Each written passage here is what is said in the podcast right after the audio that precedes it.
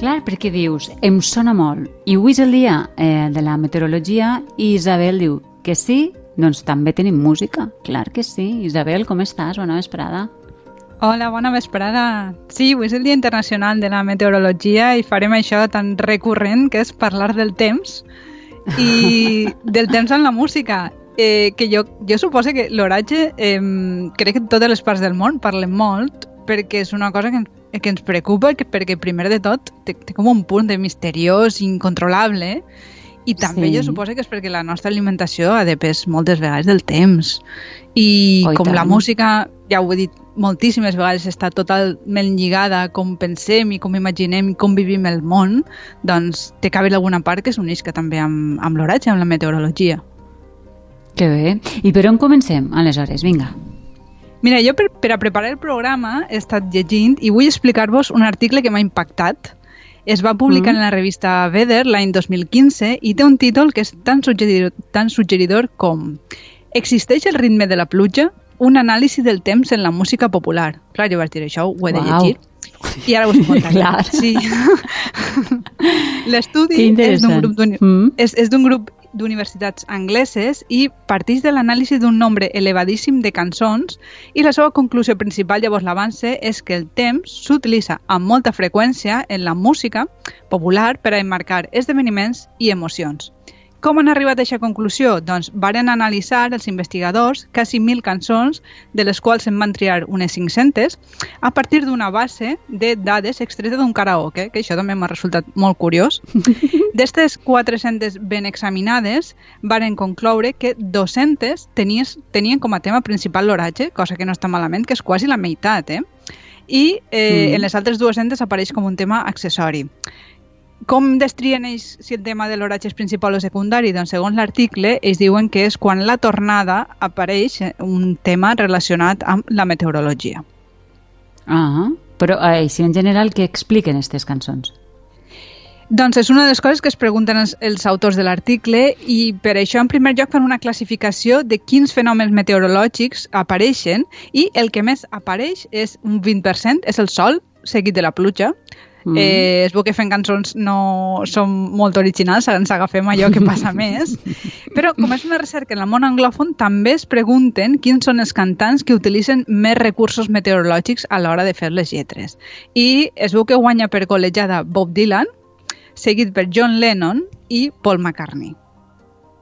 Ah, escolta'm, eh, clar, si és una base britànica és normal que estiguen estos cantants, no? Sí, la veritat és que segons com l'article en algunes coses no és molt científic, és, es fan meteoròlegs, per tant, aquesta part de, de música la tenen un poc més, eh, més agafada en pinces, però de totes maneres sí que ens dona pistes de, de, de què és el que la gent espera trobar en la relació entre música i meteorologia. De vegades només són convencions, coses que tenim estipulades, però sí que intenten veure de quines fórmules s'ha intentat, amb quines fórmules s'ha intentat mostrar l'emoció que desperten estos fenòmens meteorològics en el nostre ànim a través de la música. L'estudi, aleshores, diu que les cançons on apareix el sol acostumen a estar escrites en mode major, que és aquell que associem a l'alegria, mentre que les que apareix la pluja solen estar en mode menor.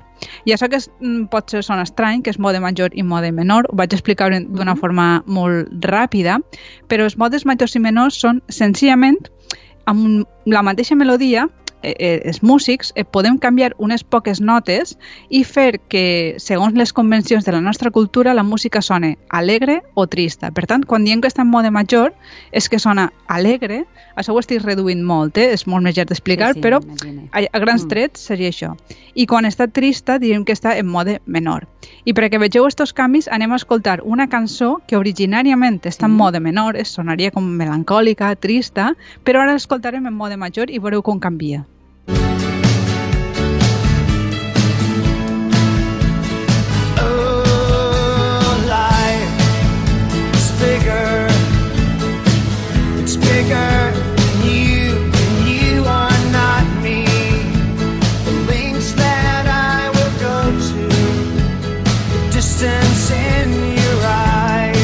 com subtil, eh? No, no és molt, sí, però sí que sí, de repente un, com un altre color, eh? Clar. Bé, Rem la va escriure, entenc, aleshores, inicialment en, en mode menor. El que diem mode menor, sí. I així s'ha fet un... I ara estem sentint en mode major. Uh -huh. Exactament, eh, sí. Eh, és molt curiós, Isabel, però clar, eh, si en la música es poden fer estos canvis, eh, sembla lògic que en les cançons alegres siga on es parla del sol, no? per, per, per correlació lògica, i, i les que mm. sonen tristes a pluja.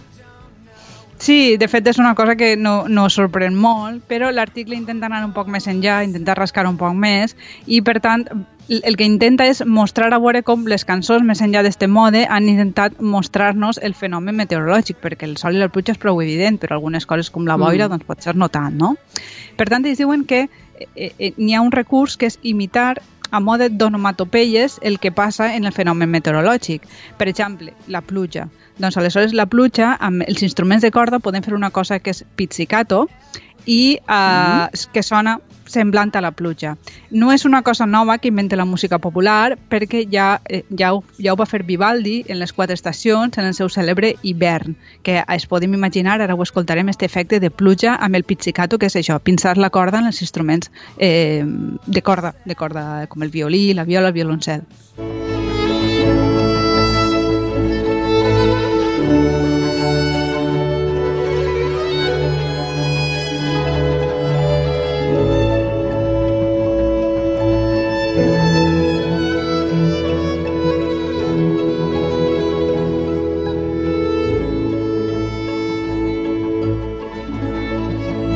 Sí, sentim en el primer pla el violí i de fons sentim com aquestes mm. eh, gotetes, no?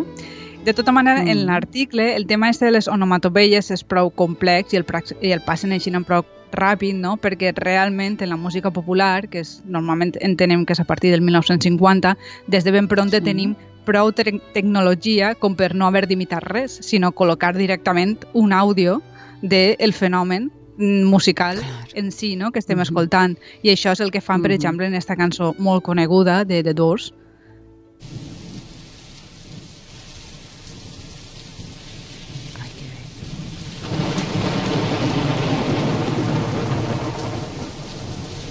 Quina tempesta, no? Sí, sí. Que, escolta, aquestes cançons eh, no deixen tant de lloc, no?, a la imaginació. Clar, sí, directament ens estan guiant no? la, la tronada. Mm. Però mm. ells també a vegades parlen d'altres formes de fer-nos recordar un fenomen meteorològic sense que estiga tan, es, tan explícit, no? com en aquest cas.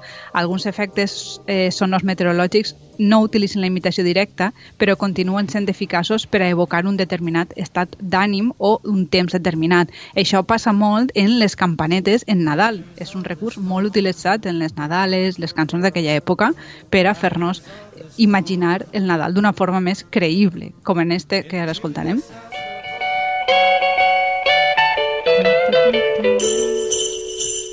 Ahí les tenim. Jingle Encara que no parla de Nadal, sonaria Nadal, perquè les tenim molt Sonaria molt totalment. Si algú acaba d'encendre de, ara mateix la ràdio, que no patisca, eh? No, no, no, no, no estem en Nadal, estem parlant de l'oratge en la música. Sí, sí. Jo crec que l'efecte l'hivern pluja està més interioritzat, però no en tenim tan interioritzat la generació de calor, perquè com s'aconsegueix crear la sensació de calor a través de la música. Aleshores, mm. a l'article ells diuen que s'empren recursos que ens recorden també a llocs de calor. Per exemple, citen eh, el que s'anomena guitarra hawaiana, que és com un procediment que ah. es fa amb la ah. guitarra, que ens podria recordar, sí. recordar esta calor, com en esta cançó Here Comes the Sun de The Beatles, que també és molt coneguda, que d'allà de fons sona. Here comes the sun I say it's alright Totalment, totalment. Vull dir, esta cançó, eh, penses en estiu, eh, vull dir, les guitarres et recorden el sol, no? Sí, sí, sí.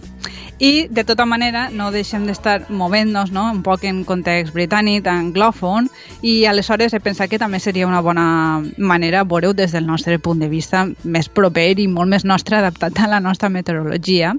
I ara parlaré d'una peça que m'agrada molt, i és un poema sinfònic, que ja vam parlar, l'em sona molt, que són peces instrumentals sí. que descriuen un text, mm. o de vegades una imatge o una situació, com és el cas i aleshores parlaré d'un poema sinfònic que s'anomena Xupar hasta la moma, i a més de no tan pintoresc i tan descriptiu, és una obra de Salvador Giner que el que fa és descriure una processó del corpus, per això la moma, que és xopar, perquè eh, quan eixia la professor, quan està en marxa, de sobte estem en juny, que és quan és el corpus habitualment, i de sobte interromp mm. la processó una tronada d'estiu d'estes tan típiques i tan refrescants que ens agraden molt.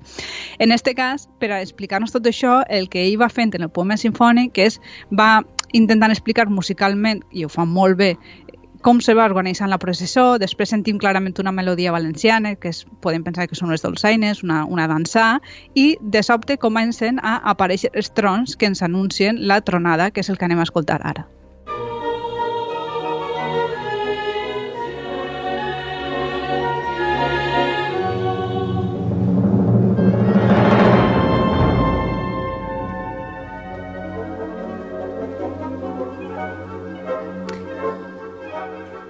El, redoble este eren els trons? Això? Eh, exactament, sí, i la, la resta són com gotetes doncs... de, de pluja.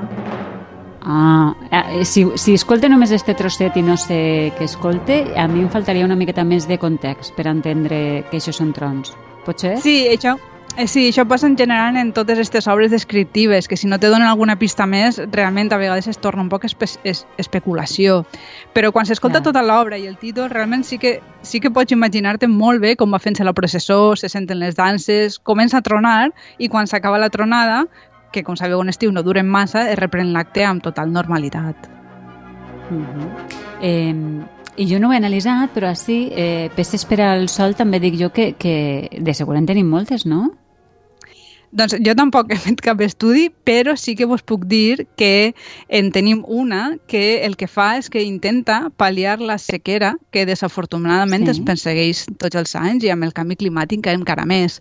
Esta peça que escoltarem a continuació s'anomena Salve de l'aigua i són uns gojos recollits a P3.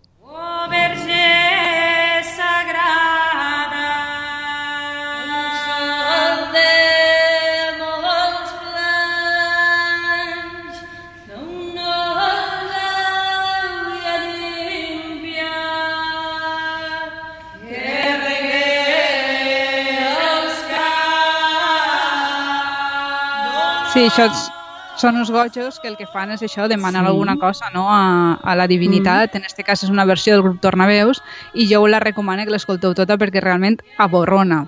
Perquè després de demanar Totalment, aigua, eh?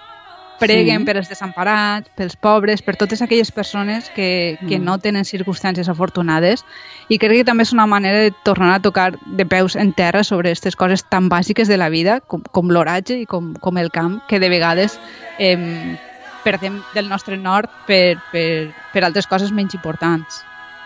Totalment cert i totalment d'acord, Isabel. Ens fa recordar mm, els nostres avantpassats, no? Com es patia, com encara pateixen no, al camp per aquests fenòmens. Sí, sí, sí, molt cert. De tota manera, a nosaltres això ja comença a quedar-se un poc més allunyat, tot i que no hauria, i canviant totalment d'ambientació, de, de forma molt diferent, l'oratge segueix sent marcant el nostre dia a dia, i això les empreses modernes també ho saben i han tractat d'explotar-ho.